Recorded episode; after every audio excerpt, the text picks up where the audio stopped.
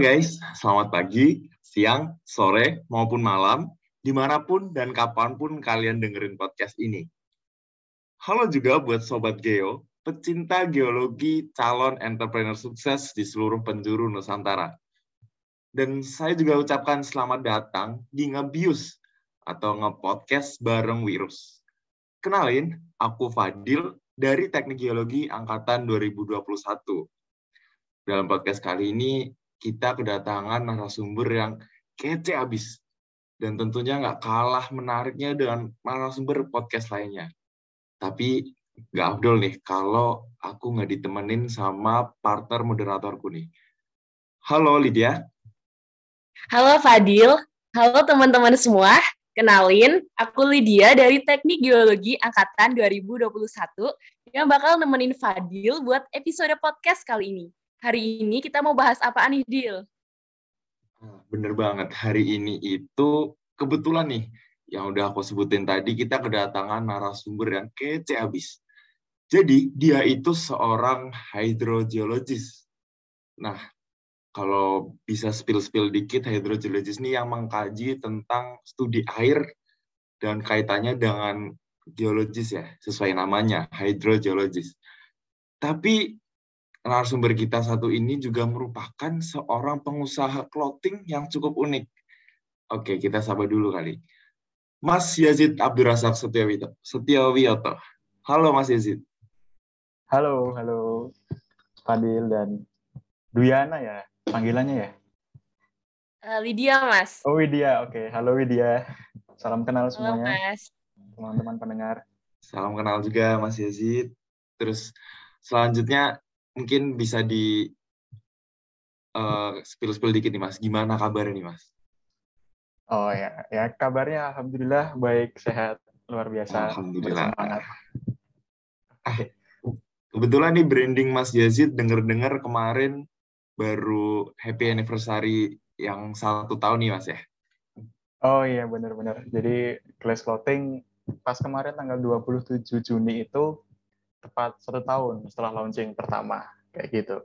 Wah, kalau gitu dari saya juga mengucapkan happy anniversary ya Mas buat uh, brandnya Mas Yazid, Clay Clothing dan semoga ke depannya semakin sukses dan semakin bisa menginspirasi ya tentunya buat entrepreneur muda khususnya di mahasiswa HMTG FTUGM.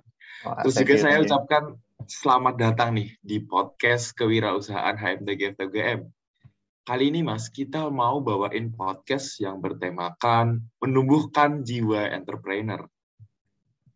Kan cocok banget nih sama Mas Yazid nih, yang jujur waktu saya dengar nama Mas Yazid nih Mas, agak gimana, agak tercengang gitu. Karena Mas Yazid ini seorang ya geologis ya, tapi ternyata bisa merintis usaha nih. Kira-kira apa nih Mas? Ya, ya sebelumnya uh, makasih Fadil dan Dwi. Siapa tadi panggilannya? Lydia, Mas. Lydia. Lydia. Oke. Okay. Ya. ya, terima kasih udah diundang di podcast Ngebius ini. Uh, perkenalkan nama saya Yazid. Saya dulu di S1-nya ya di Geologi UGM itu angkatan 2014 gitu. Nah, terus ya sekarang masih lanjut akademik S2 sambil merintis bisnis uh, clothing kayak gitu. Nah, kalau boleh tahu nih Mas lebih lanjut, sebelum jadi seorang hydrogeologist, Mas Yazid sendiri mungkin pernah fokus ataupun tertarik sama bidang lain nggak sih Mas? Atau mungkin apakah Mas Yazid udah mulai cari tahu ataupun belajar tentang berwirausaha gitu Mas selagi kuliah atau sejenisnya gitu Mas? Oh iya, jadi sebenarnya tentang hidrogeologis itu emang dari S1 ya, dari dulu kuliah S1 itu emang udah suka di situ. Jadi emang uh, skripsinya juga udah di situ, terus setelah dulu lulus S1 juga udah sempat kerja selama setahun itu juga di bagian hidrogeologis. Uh, terus tentang bisnis ya, jadi kalau emang minat di bisnis emang udah dari lama sih mungkin kalau awal-awalnya itu ya yang beneran jualan itu ya pas zaman SMA itu kan. Kita mesti mungkin hampir semuanya pernah mengalami ya jadi namanya danus dana usaha. Nah itu kita disuruh jualan uh, yang nanti mungkin kalau nggak habis kita beli sendiri gitu. Yang penting kan ntar ada target kita harus uh, ngasih uang gitu untuk event gitu ya event di sekolah. Jadi di situ kan mau nggak mau akhirnya kita mulai belajar berbisnis kayak gitu tapi habis aku oh. inget-inget lagi tuh dulu sebelumnya ya mungkin zaman SD pak ya itu tuh aku hmm. inget ada satu momen di mana dulu tuh kan aku punya hobi uh, sulap ya. Wah, sulap mas, keren oh, banget ya. Nah, uh, hobi sulap dan ya mungkin namanya masih SD atau SMP ya, kita kan mencari jati diri, butuh pengakuan. Jadi kita hmm. bisa sulap itu jadi kayak orang yang di uh, jadi populer lah gitu di sekolah ya. Nah, di situ tuh kaitannya sama bisnis adalah aku tuh kan banyak belajar sulap gitu atau mungkin dengan lihat trik orang tuh aku bisa menganalisis caranya kayak gimana nah terus pas aku praktekin di sekolah banyak orang-orang yang pengen tahu caranya gimana nah aku uh, bilang tuh kasih tahu caranya tapi kalian harus bayar pas itu bayar oh. cuma lima ribu sepuluh ribu gitu Wih. Okay. nah itu sempat orang tua tuh sempat marahin kan kok kamu kok bukan marahin sih tapi mempertanyakan lah kok kamu malah sekarang malah sulapan gitu bukan sekolah dan sebagainya ya sekolah tetap jalan tapi kok malah uh, banyak waktu untuk belajar sulap gitu. Terus aku bilang ini di waktu SD itu aku juga masih kaget kok bisa bilang gitu. Aku bilang ya bu kan kita kan nanti sekolah terus kerja kan cari uang. Ujungnya kan buat cari uang. Nah ini aku dapat uang dengan jualan trik sulapan gini berarti kan ya sama aja gitu aku baru pikir wah itu saya cukup keren sih bisa bilang kayak gitu zaman SD ya iya keren banget dari situ sih kayak mulai ada kesadaran minat pengen berbisnis ya gitu. Oh. Itu awalnya sampai akhirnya ya sampai sering berjalannya waktu di mulai kuliah ini mulai berintis bisnis gitu. Oh, berarti emang udah dari awal banget ya, dari SD yang udah mulai jual-jual trik sulap nih, Mas? Iya, kayak gitu sih. ini keren, keren banget nih buat para pendengar. Ternyata jiwa-jiwa entrepreneur tuh nggak muncul setelah kuliah ya atau setelah belajar ataupun bisa muncul dari SD nih kayak Mas Yazid kayak tadi jual trik sulap ya walaupun kecil-kecilan tapi udah keren banget sih itu bisa menghasilkan ya Mas ya. Lumayan buat jajan. Oh iya Mas, kalau buat dari background sendiri di keluarga, apakah ada yang uh, sudah berbisnis? Kadang nih bisnis itu keturunan gitu mas. Apakah di keluarga uh. mas Yazid sendiri ada uh, background bisnis gitu seorang wirausaha gitu mas? Kalau background bisnis sebenarnya nggak ada sih. Keluarga gue tuh uh, belum ada ya. Masa keluarga inti ya. Itu ya ada yang baru bisnis jadi ya backgroundnya kebanyakan ya bukan kebanyakan sih ya orang tua uh, dosen. Terus kalau ibu itu ya dokter gigi. Hmm. terus ya masku kerja di perusahaan gitu adikku masih kuliah. Jadi ya belum ada background bisnisnya. Oh. Kayak gitu. Berarti bisa dibilang Mas Yazid itu emang udah yang unik mungkin ya Mas anak yang unik ya udah ya anak sendiri dah. Ya, anak sendiri. Keren Mas keren. Kalau terus kalau ngobrol lebih dalam nih kalau dari Mas Yazid sendiri ya, karena udah memunculkan jiwa entrepreneur dari SD. Kira-kira apa sih yang uh, perlu dipegang ya, atau bekal apa yang harus dipegang oleh seseorang ketika mau merintis usaha nih Mas? Dulu waktu Mas Yazid merintis usaha sebelum uh, clothing ini, mungkin ada usaha yang lain Mas? Ya, Oke, okay, jadi kalau ceritanya ya tentang perintis bisnis itu awalnya emang bukan clothing, ini udah uh, bisnis yang ke beberapa gitu. Jadi sebelumnya ya tadi yang pertama kan dari jualan trik sulap itu ya, kemudian SMA itu ya dana usaha, jualan snack, jualan nasi goreng bungkusan gitu-gitu. Terus di kuliah ini tuh uh, dulu pertengahan kuliah itu sempat ini jadi reseller alat untuk nge-grinding kopi. Oh. Jadi grinder kopi gitu. Itu Oke, oke. karena dulu kan pas momen-momennya kopi lagi hype ya awal-awal Iya, kuliah itu betul. eh, jualan itu terus aku juga punya teman-teman yang emang suka kopi lah gitu. Jadi Hmm. saya beli pas itu ada teman saya yang impor langsung gitu. Nah kemudian saya jual di e-commerce gitu. Terus setelah itu juga pernah juga jualan bukan jualan sih tapi dulu pas aku skripsi itu di Gunung Kidul ya saya dulu skripsi di sana itu ada informasi tanah dijual gitu tanah Oh. dijual tapi harganya sangat-sangat murah gitu karena itu kan di pedalaman lah gitu bisa dibilang Iya. pinggiran kota Hmm. dan eh, berbukit gitu ya bukit kars di sana jadi harganya murah jadi pas itu saya propose orang tua untuk pak mau nggak ini beli tanah nanti bisa di jadiin investasi properti gitu Hmm. pas itu masih belum tahu mau dibuat apa pokoknya udah beli dulu aja akhirnya ya karena saya bikin iya. proposal lah gitu ke orang tua orang tua menyetujui akhirnya beli terus dibikin kebun sengon sama jati di sana Wah, sampai sekarang masih ngurus itu dan karena itu prosesnya tinggi akhirnya saya juga eh, nge-hire bukan nge-hire sih tapi ngajak temanku di geologi untuk beli tanah lagi akhirnya pakai uang kami Wah. eh, tambah tanah lagi untuk ditanam lagi gitu jadi ada yang tanah sama keluarga ada yang tanah saya sama teman saya gitu ya pas itu harganya murah ya jadi nggak usah kepikiran yang wah ini besar nominalnya enggak ini murah per meternya cuma berapa ribu gitu harganya oh. Wah. Tapi Gitu. keren banget sih Mas. Soalnya Iya. kayak anak kuliah udah bisnis tanah itu keren banget Mas. Udah bisa menghasilkan sendiri ya. Iya, bener deal. Nah, kalau untuk bisnis class clothing ini nih kan agak berbeda jauh, nggak selinear sama jurusan Mas Iya. Yazid gitu ya. Itu gimana tuh Mas? Bisa kepikiran sampai bikin bisnis brand class clothing gitu Mas? Oke, ya kita masuk ke class clothing ya. Jadi ini memang bukan satu proses yang cepat sih. Jadi dulu kan kalau tahun 2018, 2019 mungkin teman-teman tahu ada tren yang namanya startup.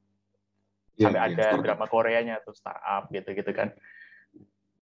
Eh, pas momen-momen itu ya karena saya juga orang yang sangat penasaran gitu ya, pengen mencoba hal baru. Saya ikut tuh akhirnya ke komunitas-komunitas startup itu gitu di Jogja. Pas itu juga karena masih pas lagi skripsi ya, jadi kita tuh kan udah nggak ada kuliah. Skripsi itu sangat-sangat bisa membuat suntuk gitu kan. Jadi kayak wah ini ada harus ada hal lain yang dikerjakan biar kita tuh nggak bosen gitu. Nah akhirnya pengen tuh eh, bikin startup juga. Nah eh, di situ sekitar enam bulanan lah aku tuh dari mulai ikut, kemudian bikin ide, bikin tim, ikut event-eventnya ya, terus sampai akhirnya udah berapa bulan, idenya udah makin kuat, timnya juga udah ada, udah bikin MVP gitu ya Hmm. dan akhirnya kita mulai cari investor dan sampai situ karena kan emang untuk riset dan sebagainya itu butuh investor. Itu sempat ikut beberapa acara-acara pitch deck namanya kita untuk mem- apa ya mencari investor lah namanya pitch deck. Iya. Nah di situ ada beberapa kali saya juga ikut inkubator startup. Gitu. Nah tapi intinya eh, saya belajar kalau ternyata emang bikin startup tuh nggak mudah. Validasi ide, validasi market itu emang nggak cepat dan emang tuh perlu belajar banyak dan perlu biaya. Nah, akhirnya di situ ide startup waktu itu divakumkan kayak gitu. Nah, ya divakumkan karena itu juga saya pas itu startupnya tentang properti juga. Jadi eh, saya banyak belajar harus banyak belajar hal baru ya. Di situ kan juga waktunya terkuras sih. banyak kayak gitu. Mm-mm. Tapi lucunya pas aku ikut startup itu, saya malah dapat ini, aku malah dapat insight lain gitu. Jadi pas Hmm. saya ikut-ikut event-event itu, aku tuh melihat itu, ada CEO, ada senior investor gitu-gitu, Iya. ada bisnismen-bisnismen yang lain. Itu tuh kebanyakan pada pakai kaos polos. Mungkin yang Oh. investor besar gitu ya, Iya. Mulai muncul ide kaos polos tuh ya mas. ya? iya pakai jas tapi dalamnya kaos polos. Kalau enggak Hmm. ada tuh eh, di Jogja tuh CEO CEO yang dia tuh emang kayak ngebrandnya emang suka pakai kaos polos warna ini gitu. Dan mungkin teman-teman juga tahu lah misal si Mark yang punya Facebook juga pakai kaos polos dan lain sebagainya, Iya, betul. Elon Musk juga dan sebagainya suka pakai kaos polos. Jadi di situ aku melihat wah ternyata emang penggemar kaos polos tuh nggak cuma orang-orang yang sederhana gitu, tapi orang-orang menengah ke atas juga punya apa ya minat, punya kesenangan juga pakai kaos polos gitu. Mungkin karena emang Iya. simple, elegan dan lain sebagainya. Nah di situ baru mikir, oh berarti ada peluang nih kayaknya aku mumpung punya komunitas, punya jejaring, gimana kalau saya itu menjual kaos polos ke orang-orang ini. Tapi dengan bahan yang lebih premium, bahan yang lebih baik, dan uh, harapannya orang-orang itu mau bayar lebih untuk mendapatkan kaos yang lebih bernilai gitu. Karena emang aku melihatnya orang-orang di sini ya orang-orang yang punya uang semua gitu. Kayak gitu awalnya. Jadi, wah, keren banget ya. Bisa ikut insight ke mana-mana gitu. Berarti, mungkin kalau boleh tahu nih, Mas Yazid tuh ikut kayak programnya uh, Ditmawa gitu ya, Mas, yang kewirausahaan itu tuh? Atau gimana tuh, Mas? Uh, itu awalnya dulu di acara kementeriannya ada yang namanya seribu startup gitu. Oh. Mungkin sampai sekarang masih ada uh, eventnya. Cuma dulu kan mungkin karena pandemi jadi agak terpending ya. Awalnya dari situ. Jadi emang dari kementerian itu pengen membuat seribu startup gitu. Jadi emang lagi bikin uh, campaign di mana-mana dan saya ikut di situ. Kalau dulu inkubatornya namanya Digital Valley, kalau teman-teman pernah tahu. Oh, Digital Valley. ntar ada uh, seleksinya nanti yang diterima nanti bisa di uh, apa ya dikasih mentor gitu mentor sampai nanti berapa bulan gitu Oh. gitu Oh, jadi setelah mulai merintis ini banyak banget prosesnya, apalagi beda banget sama jurusan kuliah. Mungkin ada ditemukan tantangan-tantangan gitu nggak Mas? Kayak tantangan yang agak besar dan gimana sih caranya Mas Yazid buat ngehadapin dan nyelesain tantangan itu? jadi uh, tantangan pasti ada ya karena ini kan nggak linear ya dari kata bisnisnya itu udah nggak linear apalagi bisnis fashion gitu Iya. uh, kita di geologis teknik gitu kan. Jadi emang uh, sebenarnya hubungannya bukan karena geologinya sih, tapi dari awal emang udah mungkin emang udah ada apa ya minat gitu ya di bisnis gitu, pengen jualan, pengen kaya gitu ya. Iya sih. Kita nggak bisa memungkiri hal itu ya, pengen punya uang gitu. Nah, uh, jadi akhirnya semangat itu yang bikin akhirnya kita punya apa ya bahan bakar untuk mau belajar gitu. Mm-mm, betul. Jadi saya kan juga bukan penggemar fashion ya. Eh, maksudnya bukan penggemar yang benar-benar antusias gitu. Penggemar iya suka gitu. Tapi bukan yang antusias kayak yang ahli-ahli banget lah tentang dunia fashion gitu. Iya. Nah, akhirnya ya karena saya punya keinginan pengen punya bisnis ini, jadi akhirnya saya belajar gitu. Ya kuncinya cuma itu sih harus belajar, ikut-ikut kelas, baik yang gratis maupun yang berbayar. Terus di awal-awal bikin kelas clothing ini juga saya banyak banget telepon, telepon teman-teman, telepon orang-orang yang emang udah punya pengalaman di bidang bisnis, ajak ketemuan gitu untuk konsultasi alumni dan ya dengan jejaring dengan sesama owner bisnis fashion lainnya gitu, baca buku dan lain sebagainya. Gitu, jadi, Jadi belajar. jadi intinya relasi dan tambah pengetahuan ya Mas ya. benar relasi itu emang itu kan menjadi support system ya kalau kita punya teman-teman yang juga di bidang yang sama gitu karena uh, sebenarnya banyak kok. Sebenarnya banyak banget kalau teman-teman geologi angkatanku angkatan di atasku di bawahku yang punya bisnis gitu. Sebenarnya banyak. Dan ya kita saling komunikasi gitu untuk saling saling tanya kabar berbagi ilmu dan lain sebagainya. Itu menjadi support system yang cukup kuat sih untuk akhirnya kita bisa bertahan dengan hal-hal yang tidak linear kayak gini. Hmm, oke Mas. Nah, kayak sekarang kan bisnis clothing ini kan udah banyak banget nih Mas di Indonesia, udah merajalela. Terus gimana sih caranya Mas Yazid buat bisa survive di pasar yang eh, ibaratnya di sini lagi berdesak-desakan gitu buat berebut pasar. Iya, Apakah iya. Mas Yazid punya strategi lain gitu Mas biar bisa tetap bertahan brand ini Mas? Iya mas, apalagi banyak sekarang tuh mungkin masyarakat pada suka brand lokal Indonesia ya, mungkin Erigo dan lain-lain sebagainya. Nah, ini Mas Yazid sendiri gimana buat bisa makin bersaing gitu, Mas? Oke, ya itu benar banget sih dan itu emang jadi pikiran overthinkingku ya dulu pas awal-awal membangun bisnis itu emang oh, sempat overthinking mas. gitu. Jadi sebenarnya kan emang kita kalau di bisnis kan mengenal ya uh, ada namanya red ocean dan blue ocean bisnis gitu. Hmm. Jadi red ocean itu untuk jenis-jenis bisnis yang emang itu tuh udah banyak di pasaran gitu.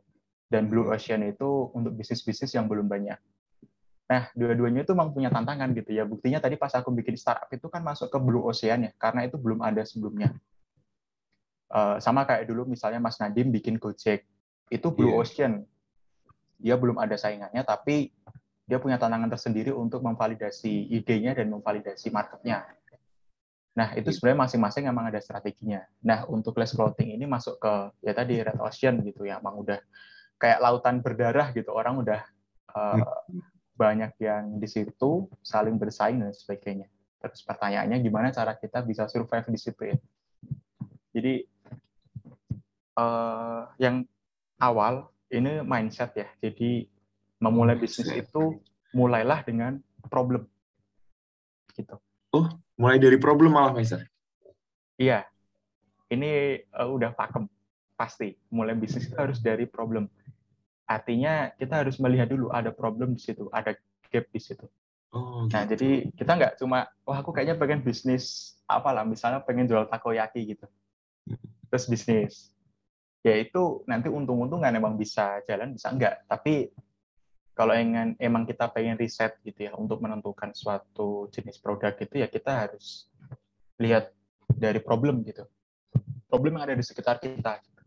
Nah problem itu kebagi dua. Ada yang bentuknya tuh needs ada yang bentuknya wants. Needs, needs itu artinya wants. kebutuhan ya kebutuhan dan juga ada keinginan dari hmm. pasar market kayak gitu Nah, ini baik produk maupun jasa ya. Itu ada needs, ada wants. Nah, kalau needs itu kan problemnya itu misal kelangkaan, aksesibilitas, yeah, yeah. harga yang tinggi terhadap sesuatu yang dibutuhkan gitu.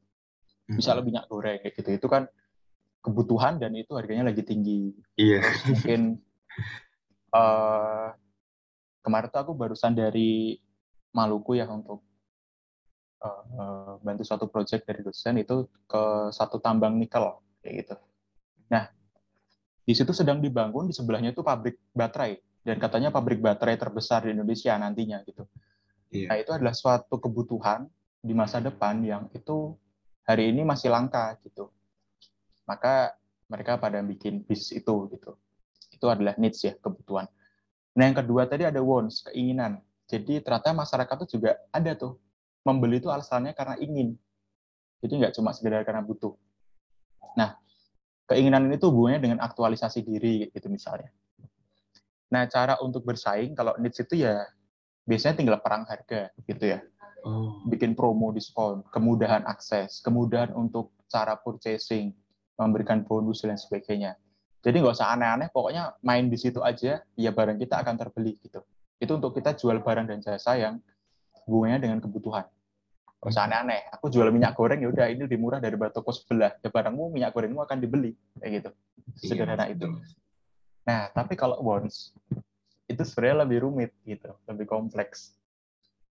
Kalau wants strateginya itu adalah di value, di nilai dari barang tersebut. Oh, Kita tuh harus bisa menjelaskan kenapa sih orang itu harus beli barang kita. Kenapa, kenapa, dan kenapa. Why itu harus kita hmm. bisa jelaskan. Kenapa kamu harus punya barang ini? Jadi sering kali wants itu malah kita tuh memunculkan demand, memunculkan kebutuhan gitu di masyarakat yeah. dengan value tadi gitu. Nah, eh, kalau kelis clothing ya sebenarnya kalau clothing sendiri itu kan sebenarnya kebutuhan ya, ya sandang. Iya, mas. Kan kebutuhan utama. Kalau ngomongin uh, kaos polos berbahan bambu, atau mungkin polos dan berbahan bambu itu udah masuknya ke wants gitu karena itu menjadi suatu properti yang lain gitu kan. Yeah. Jadi masuknya ke barangku ini masuk ke wants gitu plus clothing ini. Nah, uh, strateginya untuk kita bisa survive itu adalah kita harus bisa memunculkan namanya keunikan gitu. Hmm, keunikan ya mas ya.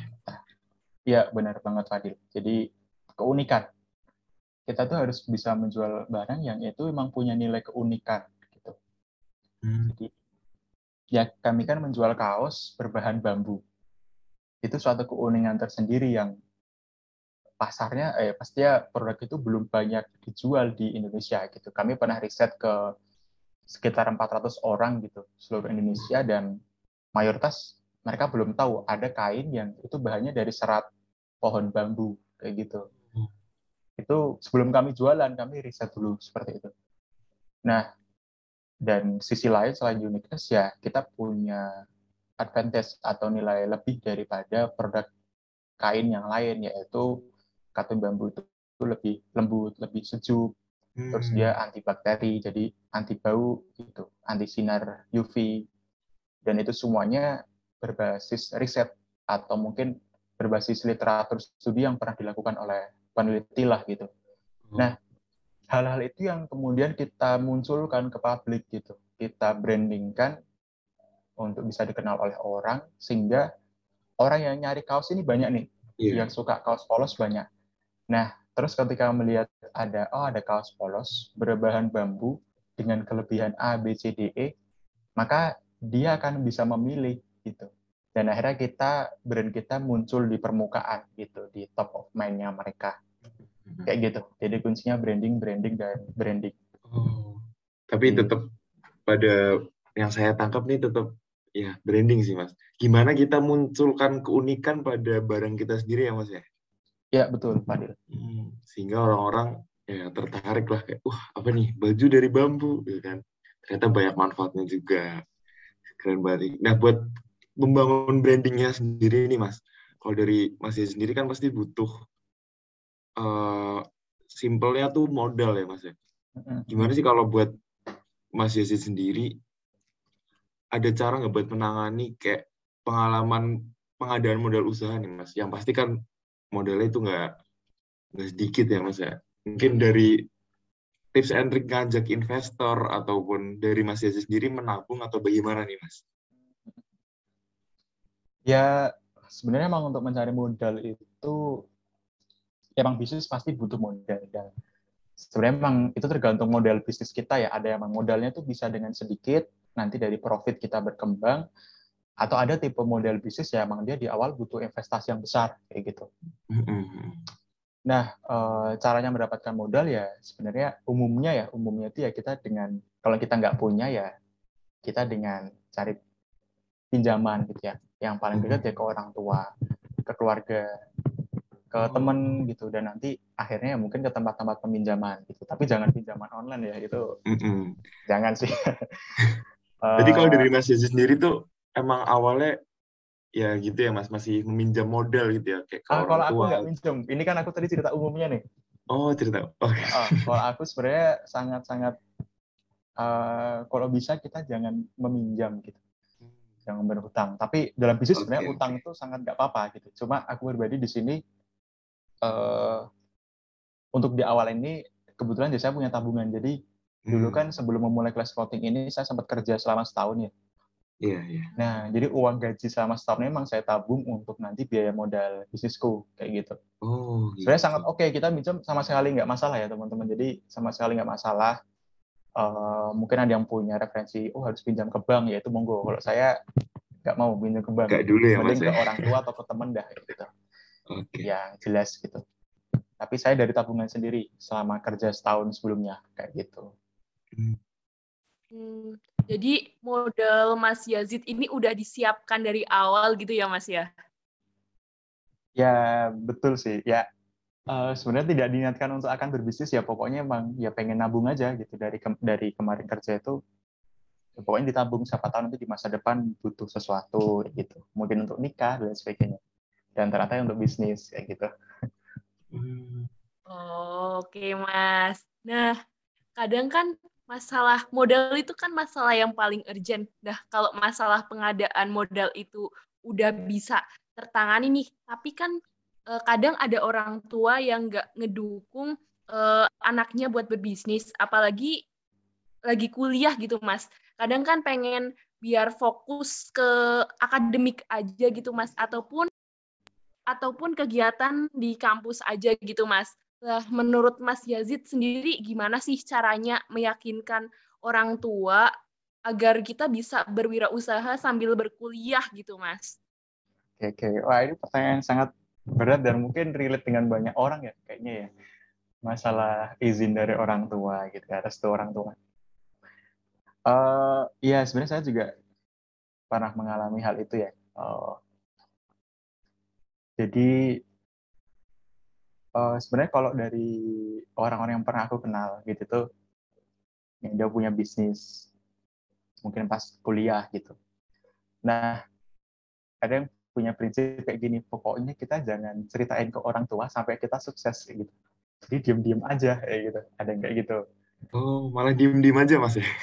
Ada kayak gitu karena dia tahu kalau wah ntar aku cerita ke orang tua pasti nggak boleh gitu. Dia udah tahu jawabannya jadi mending ya udah diem-diem aja sambil orang tua taunya kita kuliah.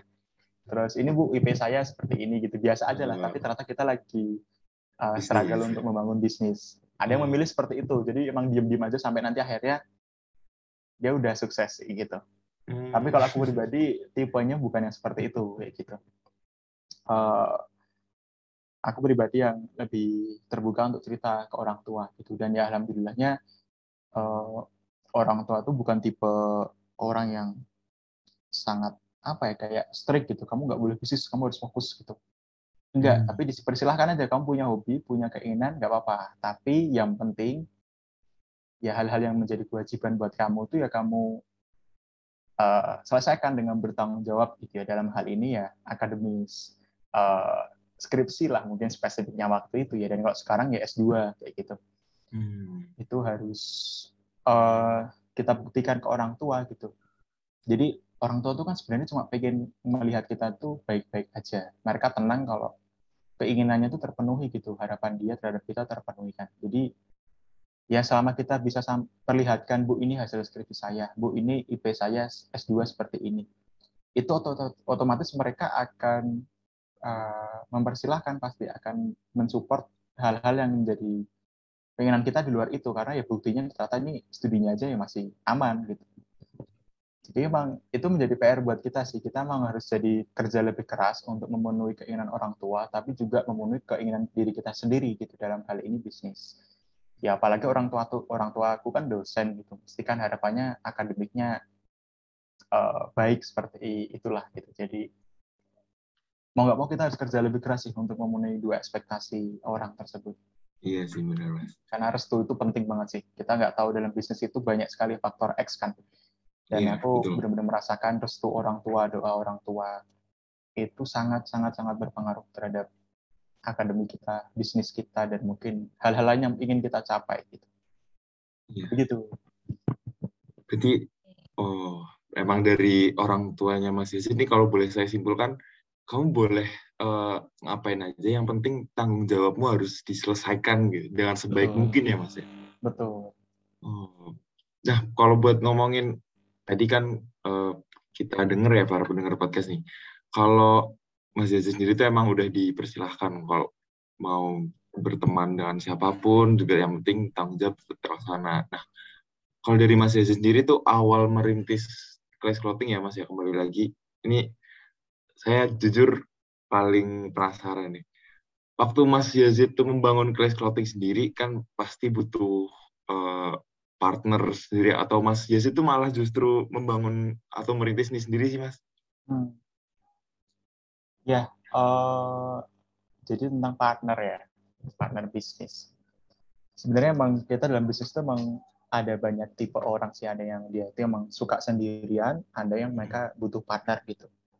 Dan kalau aku pribadi, orang tipe orang yang butuh partner gitu, karena itu banyak banget uh, plusnya ya, banyak banget plusnya gitu. Jadi mungkin kita jadi kalau memutuskan sesuatu jadi mungkin lebih lama ya karena kan ada dua kepala nih yang yang yeah. dia tuh akan memberikan insight gitu. Tapi ya kelebihannya kita akan memutuskan sesuatu jadi lebih bijak. Ada orang yang bisa membantu dalam hal-hal yang mungkin tidak bisa kita kerjakan dan sebagainya. Jadi aku dari awal sebenarnya pas bangun ide berapa bulan itu sendirian gitu ya untuk mengonsep lah mengonsep tentang bisnis ini gitu. Nah kemudian ketika udah siap saya mencari partner gitu. Dan ya sebenarnya uh, kalau boleh jujur ya sebenarnya ada eh, partner-partner uh, yang sebelumnya sekarang yang udah pernah saya ajak gitu.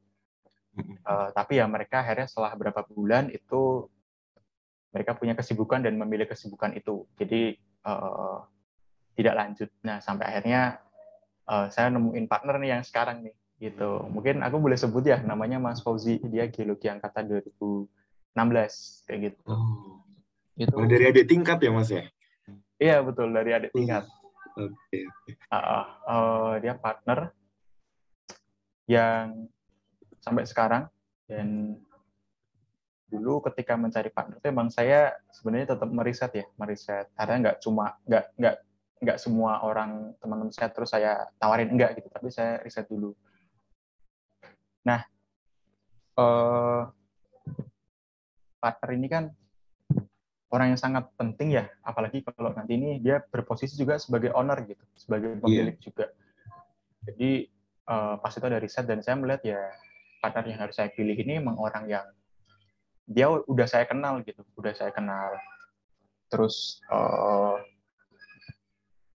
dia itu akan apa ya dia harus memiliki sifat yang loyal gitu ya untuk brand kita lebih berkembang. Dia harus mau untuk berkorban karena kan di awal merintis kita nggak bisa berharap sempurna kan. Kita mesti itu banyak struggle-nya gitu kita banyak jatuh bangunnya dan aku harus bisa mencari partner yang siap untuk itu gitu yeah. dan dia memiliki mental yang profesional gitu. Jadi emang partner dalam hal ini kan konteksnya bisa dua ya. Tadi yang aku sebut bisa owner gitu atau juga mungkin bisa uh, posisi strategis profesional gitu. Nah kalau owner ya tadi dia harus punya sifat-sifat yang rela berkorban mau bisnis ini berkembang dan lain sebagainya kayak gitu. Tapi kalau posisi strategis teknis gitu ya dia harus punya mental yang profesional, komunikasinya baik, dia punya sifat kritis, mau belajar, punya wawasan. Ya, tentunya juga pasti punya keahlian yang dibutuhkan. Kenapa kita hire dia di posisi apa kayak gitu kan. Oke. Okay. Jadi emang saya membuat sistem sih di awal emang membuat tim kayak gitu. Jadi udah sistematis banget ya kalau buat memilih partner sendiri ya buat Mas Yazid nih Mas. Ya, mencari kayak mencari jodoh sih ya, karena kan kita kan hidup menjalankan suatu bisnis bersama kayak gitu. Iya. Karena bakal berpengaruh banget ya Mas ya. Sangat-sangat berpengaruh sih. Penting kayak gitu. Nah, kalau dari Mas Yazid kan tadi udah sistematis nih buat cari partner aja harus ada risetnya. Tapi aku pernah dengar nih Mas, kalau katanya jangan pernah jadiin teman deket sendiri tuh sebagai partner bisnis gitu loh mas. Nah okay. menurut Mas Gazi itu tuh hal itu valid nggak sih di bisnis Mas yang lagi dijalanin saat ini dan pandangan Mas tentang uh, statement itu gimana sih Mas?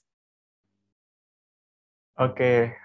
ya uh, emang itu pro kontra ya. Aku tahu sih itu emang pro kontra ya. Jadi ya kayak yang aku jelasin tadi emang kalau emang uh, ini antara partner teman dan bukan teman ya teman atau mungkin profesional gitu ya ya emang plus minus ya kalau kita teman itu kita udah uh, kita bisa tahu karakter dia kita tahu track recordnya kayak gitu ya. Jadi uh, kita kan bisa lebih percaya gitu dengan orang itu. Cuma ya tadi aku tahu kenapa orang pada kontra karena itu nanti kalau ada apa-apa gitu pertemanan kita yang rusak gitu kan ya. Orang yang iya. ditakutkan iya. orang-orang kayak gitu pasti. Dan kalau profesional ya udah gitu. Oh iya yeah. terjadi itu mas. Tuh oke okay, wah kayaknya Fadil punya pengalaman kayaknya. Ya itu pro kontra ya dan dan aku juga tahu hal itu nah makanya kalau aku mandangnya ya itu balik lagi sih ke teman yang kita hire tuh seperti apa, yang kita ajak tuh seperti apa gitu. Hmm. Dia punya karakter kayak gimana kalau dia tuh baperan nggak paham organisasi dan lain sebagainya ya itu akan banyak drama pasti kayak gitu yeah.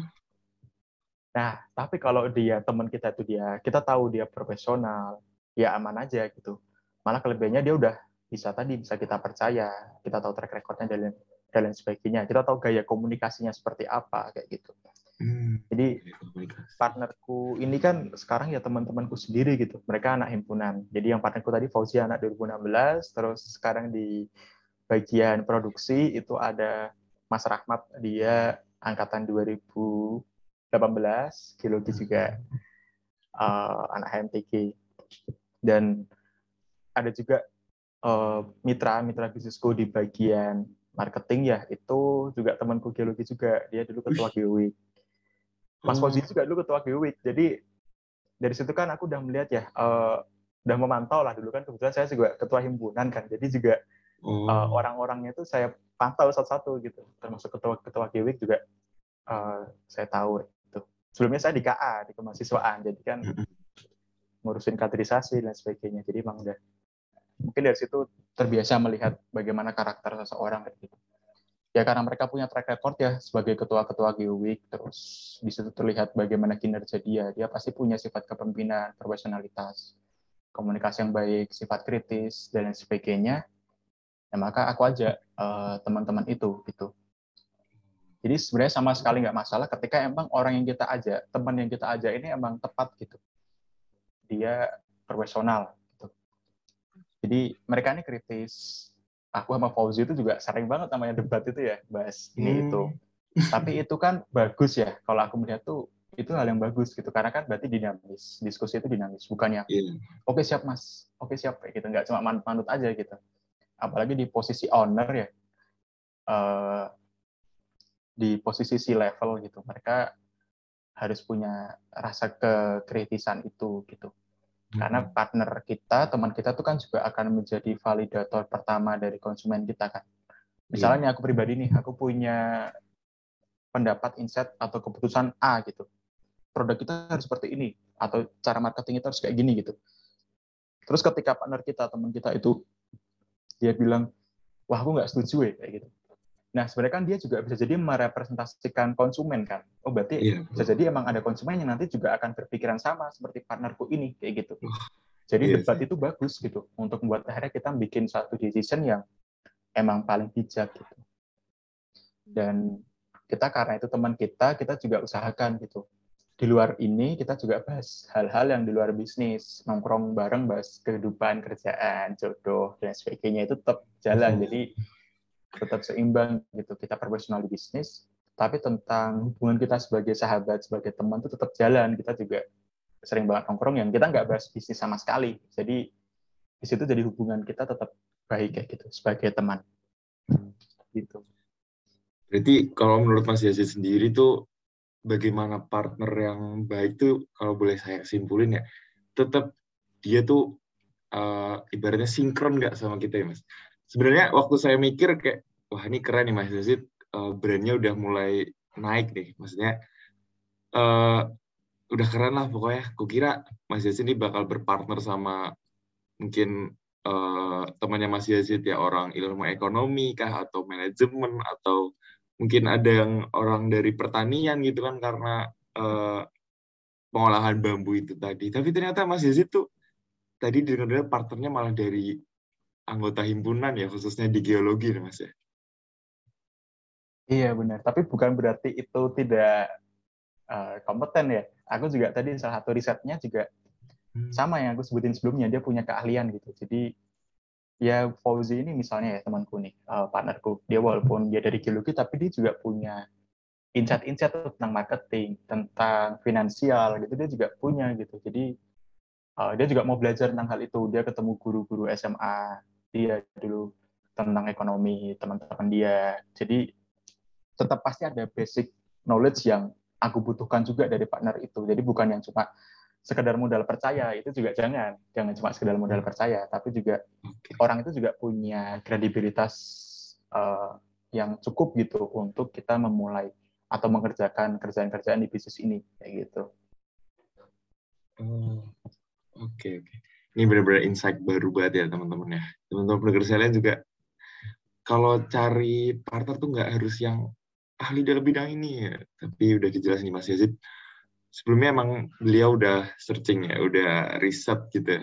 Ini kira-kira orangnya punya pendapat bagus, dinamis gitu ya tadi ya. Terus selanjutnya nih Mas nih.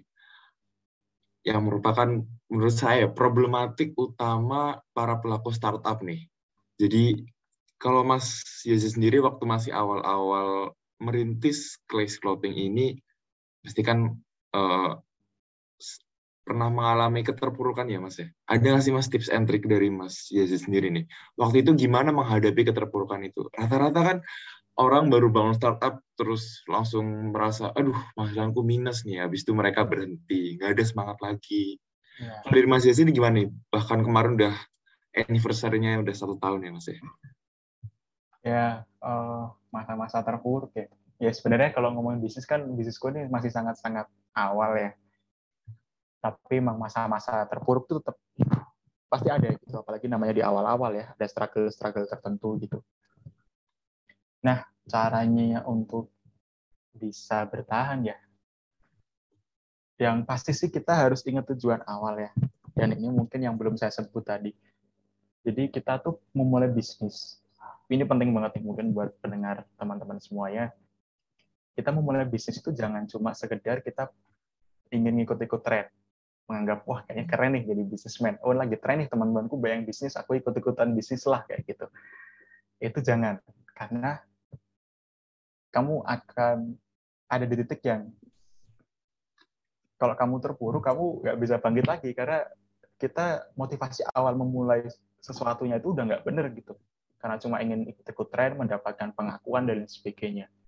Kan iya. banyak kan mungkin orang-orang yang, wah ini lagi banyak hype bisnis kopi nih, terus aku bikin bisnis kopi, wah ternyata tidak berjalan dengan baik, ternyata yeah. susah sekali. Nah dia akan kemudian bisa berhenti itu bisnisnya.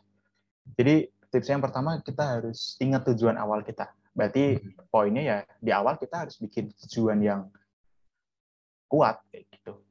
Nah, hmm. kalau tujuanku sendiri kan jadi ini mungkin untuk sekedar cerita tujuanku gitu. Jadi kalau aku kan pribadi emang merasa ya ini bukan berarti sok-sokan atau gimana, tapi merasa kalau nanti keilmuanku di geologi, di hidrogeologi di S2 ini itu tuh uh, saya tidak mencari uang dari situ gitu. Hmm. Tapi pure untuk membantu orang untuk bermanfaat sama orang lain gitu. Entah nanti aktif di NGO atau menjadi konsultan dan sebagainya. Uh, intinya tidak uh, tidak berorientasi uang gitu aku mikirnya. Nah, terus cara memenuhi kebutuhan sehari-hari gimana? Ya dari bisnis. Hmm. Oke, okay, oke. Okay. Nah, jadi itu menjadi tujuan aku. Aku tuh harus tetap pasti akan harus punya bisnis karena itu akan menjadi satu-satunya nanti, bukan satu-satunya sih, akan menjadi pemasukan utamaku gitu untuk hidup dan biar aku tuh nggak terlalu berorientasi uang ketika nanti aku mengimplementasikan keilmuan geologi ke keilmuan geologiku dan uh, hydrogeologi tadi gitu. Jadi ingat tujuan awal kenapa kita memulai bisnis itu. Apa pun tujuan teman-teman itu diperkuat dan terus diingat atau mungkin itu malah ditulis kayak gitu. Hmm. Terus yang ke selanjutnya ketika kita terpuruk kita harus punya namanya support system. Uh, gitu. Oke, okay. gimana tuh mas? Ah, support system ini ini bisa nih kita tuh punya tujuan kuat, yakin nih. Tapi mau sekuat-kuatnya orang pasti tetap dia akan ada di titik terendah, dia malas, dia capek, dia pusing kayak gitu. Ya. Nah itu eh, yang bisa menolong adalah support system. Hmm. Support system ini bentuknya bisa partner kita, bisa teman-teman kita ya uh, teman-teman yang sama-sama di bisnis kayak gitu. Terus kita bisa lihat dengan video-video orang-orang yang uh, bergerak di bidang bisnis juga gitu. Jadi kita punya support system yang itu bisa membuat kita tuh semangat lagi gitu. Mereka mensupport kita atau mereka itu menjadi apa ya menjadi sesuatu yang kita lihat gitu. Oh teman-temanku ini dia gerak terus nih masa aku di sini di sini aja gitu. Motivasinya ya secara ya? pasif mereka juga ya secara pasif mereka juga akan memengaruhi kita untuk wah aku harus gerak lagi kayak gitu. Hmm. jadi support system yang kedua. Itu aja sih mungkin tips saya. Tujuan awal ingat diperkuat dan buatlah satu support system yang positif buat kita. Gitu Mas Fadil dan Mbak Lydia. Wah benar banget. Sangat menyentuh hati nih ya. Jadi itu modal utamanya suatu bisnismen ya kalau bisa bilang tuh tetap ingat ya berarti yang boleh saya simpulkan Mas ini punya pondasi awal yang udah kuat banget nih, udah ingat sama tujuan awalnya. Terus gimana cara cari support sistemnya? Ya ngalit. Iya, bener banget. Jadi harus tujuan awal sama support system deal. Nah, terus nih mungkin last question nih Mas ya, karena waktu kita sebenarnya terbatas nih. Jadi nih, kalau menurut Mas Yazid secara pribadi, seberapa besar kemungkinan ya ini beras uh, kita bicara peluang peluang seorang mahasiswa berwirausaha nih dan gimana kalau dari Mas Yazid sendiri waktu merintis kemarin tuh memperbesar peluang kewirausahaan tersebut ini Mas. Oke. Mahasiswa berbisnis. Iya. Yeah. Uh, jawabanku sebenarnya sangat-sangat mungkin karena itu terjawab dengan banyak bukti yang ada ya. Mungkin ya saya aku yakin lah Fadil dan Lydia ini pasti teman-temannya ada yang juga berbisnis gitu. Dan ya teman-temanku juga banyak banget gitu yang berbisnis ya bahkan ketika masih mahasiswa gitu. Jadi uh, intinya sangat mungkin. Terus kuncinya adalah teman-teman harus bisa yang namanya membagi waktu gitu. Harus bisa memanajemen waktu dan bisa memanajemen diri karena kita juga harus tadi memenuhi bertanggung jawab ya terhadap kewajiban kita uh, untuk kuliah kayak gitu. Tapi kita juga harus meluangkan waktu, pikiran, tenaga untuk kita mengembangkan bisnis kita gitu. Jadi sebenarnya sangat bisa tapi harus ingat hal-hal itu. Dan yang kedua kalau aku melihat ya ketika teman-teman jadi bisnismen ketika masih mahasiswa itu teman-teman tuh malah punya pasar yang jelas gitu. Karena kita berbisnis itu hal yang terpenting juga kita harus punya pasar pasar itu market atau orang-orang yang akan menjadi pembeli kita gitu atau pengguna jasa kita. Dan teman-teman ketika masih jadi mahasiswa dan teman-teman pun ikut organisasi gitu di HMTG atau mungkin teman-teman di luar HMTG ya yang itu mungkin lingkupnya fakultas, lingkupnya universitas. Teman-teman punya salah satu modal kuat dalam berbisnis yaitu punya pasar gitu. Nah, di situ harusnya teman-teman malah akan pasti akan menemukan banyak sekali peluang gitu untuk teman-teman bisa menjadikan ide bisnis. Kayak temanku nih, uh, namanya Dimas. Oke. Okay. Dimas Ade kelasku di angkatan 2016 juga. Eh, 16 atau 17 ya? Aku lupa. 17 deh kayaknya. Itu dia tuh dulu uh, bisnis persewaan HT. Oh. Ya, kenapa dia bisnis persewaan HT? Ya karena dia ada di lingkungan teman-teman mahasiswa yang lagi giat-giatnya bikin event gitu kan. Event apa pun itulah itu pasti oh, membutuhkan iya. yang namanya HT ya. Kalau iya, itu iya. mungkin luas tempatnya ya nggak hmm. cuma di satu ruangan itu pasti butuh namanya HT nah dia bikin persewaan itu dan akhirnya ya sangat-sangat laku gitu. Baik di UGM maupun di luar UGM bahkan di luar Jawa gitu. Mungkin teman-teman bisa sih nanti salah satu pembicara gitu ya Mas Dimas ini. Dia sampai buka cabang persewaan HT di kota-kota lain gitu Wih. itu pas masih jadi mahasiswa gitu. Dan pasarnya mahasiswa juga dia bisa melihat peluang itu persewaan HT itu. Jadi teman-temannya sendiri yang akhirnya minjam ke dia gitu. Hmm. nah ada juga nih cerita juga di temanku dulu ya di angkatanku. Ada yang dia tuh jual fotokopi catatan kuliah. Wih dan itu laku laku keras men. Jual teman-teman lihat itu deh.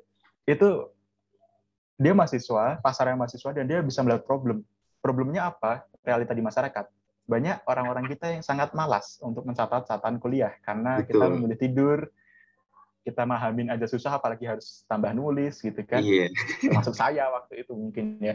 Oke. Okay. Dia melihat problem itu, terus dia melihat oh aku ini kan orangnya sangat rajin nih gitu ya.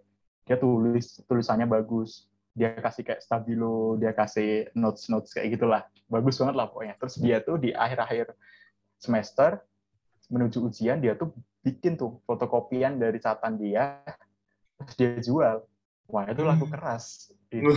jadi teman-teman okay. kan dapat ringkasan gitu kan ringkasan materi tinggal baca wah enak banget sih itu iya yeah. yang jual mungkin makanan-makanan sarapan dia lihat problem teman-temannya banyak nggak sarapan nih padahal lapar lapar gitu bisa kuliah dari jam 7 sampai jam 11 siang gitu hmm. dia bawa itu tiba-tiba ke kelas walaupun sekarang kayaknya nggak boleh jualan ya itu aturannya baru sih nggak boleh jualan iya, itu pas kan lulus tapi dulu ya ketika masih bisa itu tuh dia jual itu snack snack roti nasi bungkus nasi bungkus dan itu sangat sangat laku kayak gitu bisa juga alat-alat geologi dan lain sebagainya. Nah, uh, makanya teman-teman kan di sini di Kewirus ini juga ada kan ya uh, uh, jual alat-alat geologi ya? Masih ada nggak ya? Iya masih mas. Kemarin tuh ada jual tongkat uh, tongkat Jakob ya karena mas-mas angkatan 2019 ini kan kebetulan lagi KL.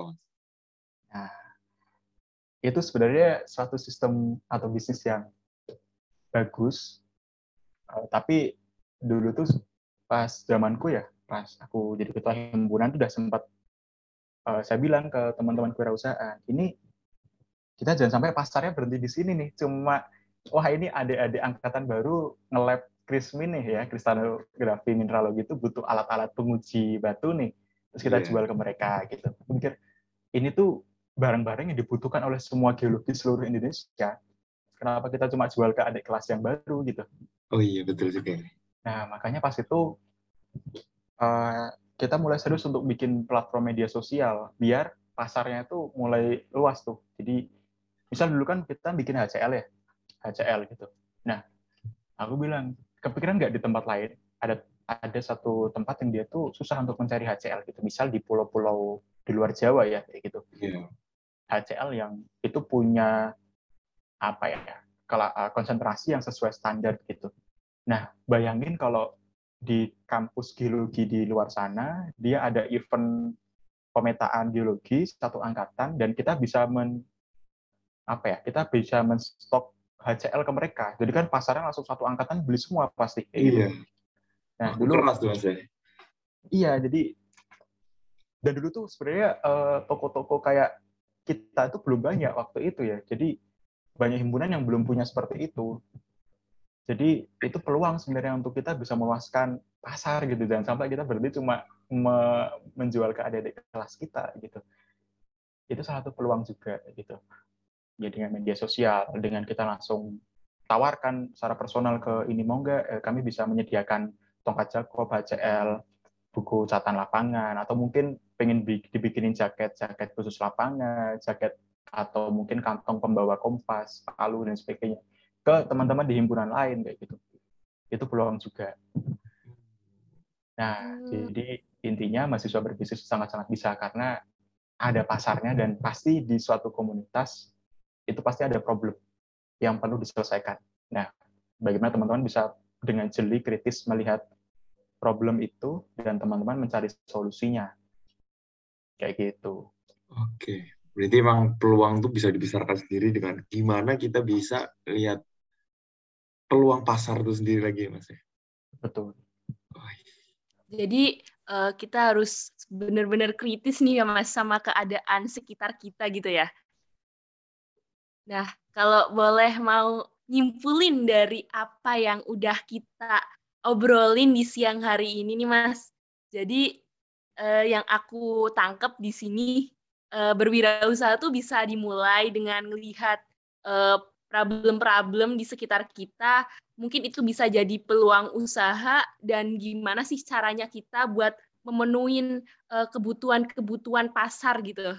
Dan yang paling penting untuk survive di pasar itu itu menciptakan branding yang bagus ya Mas ya seperti keunikan dari brand tersebut gitu. Selain itu untuk partner dari berwirausaha itu diharuskan uh, memiliki sifat loyal dan profesional agar bisa menjalani bisnis yang baik.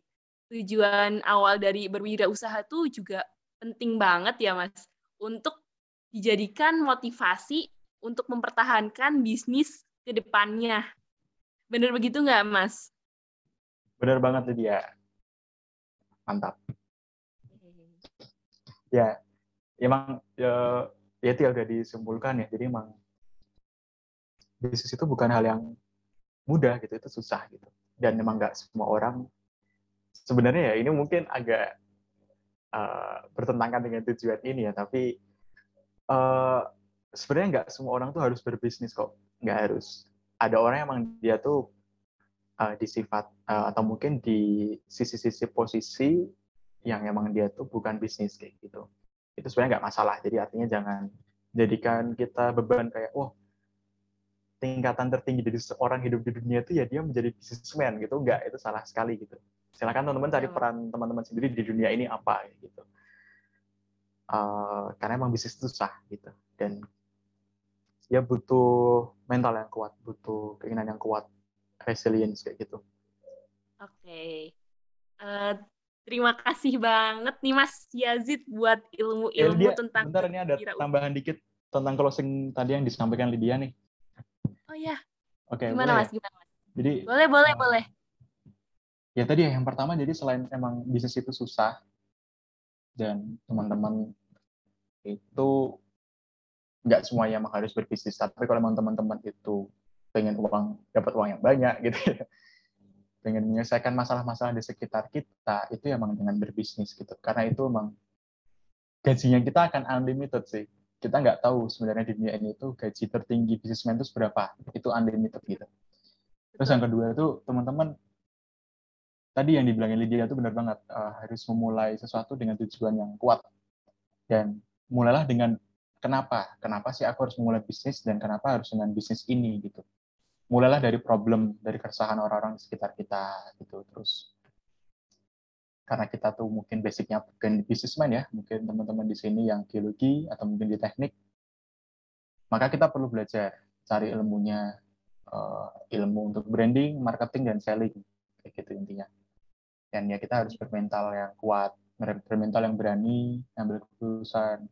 Jangan malu jangan gengsi berani ambil resiko dan punya sifat resilience. Artinya kita mudah bangkit ketika kita sedang terpuruk gitu. Dan ingat kita harus bikin uh, support system ya. Kita harus bikin support system ikut komunitas lah. Mungkin teman-teman yang bisnis di sini uh, bisa bikin tuh grup WA mahasiswa yang berbisnis gitu. Mungkin dari fakultas lain nggak masalah gitu biar kita tambah wawasan. Kenal alumni juga, banyak alumni kita yang hebat-hebat, yang luar biasa juga bisnisnya gitu. Terus teman-teman harus kritis, punya sifat kritis dan take action. Karena bisnis yang paling baik itu bisnis yang dijalankan, bukan yang cuma sekedar dipikirkan. Begitu Lydia dan Fadil. Oke, Mas.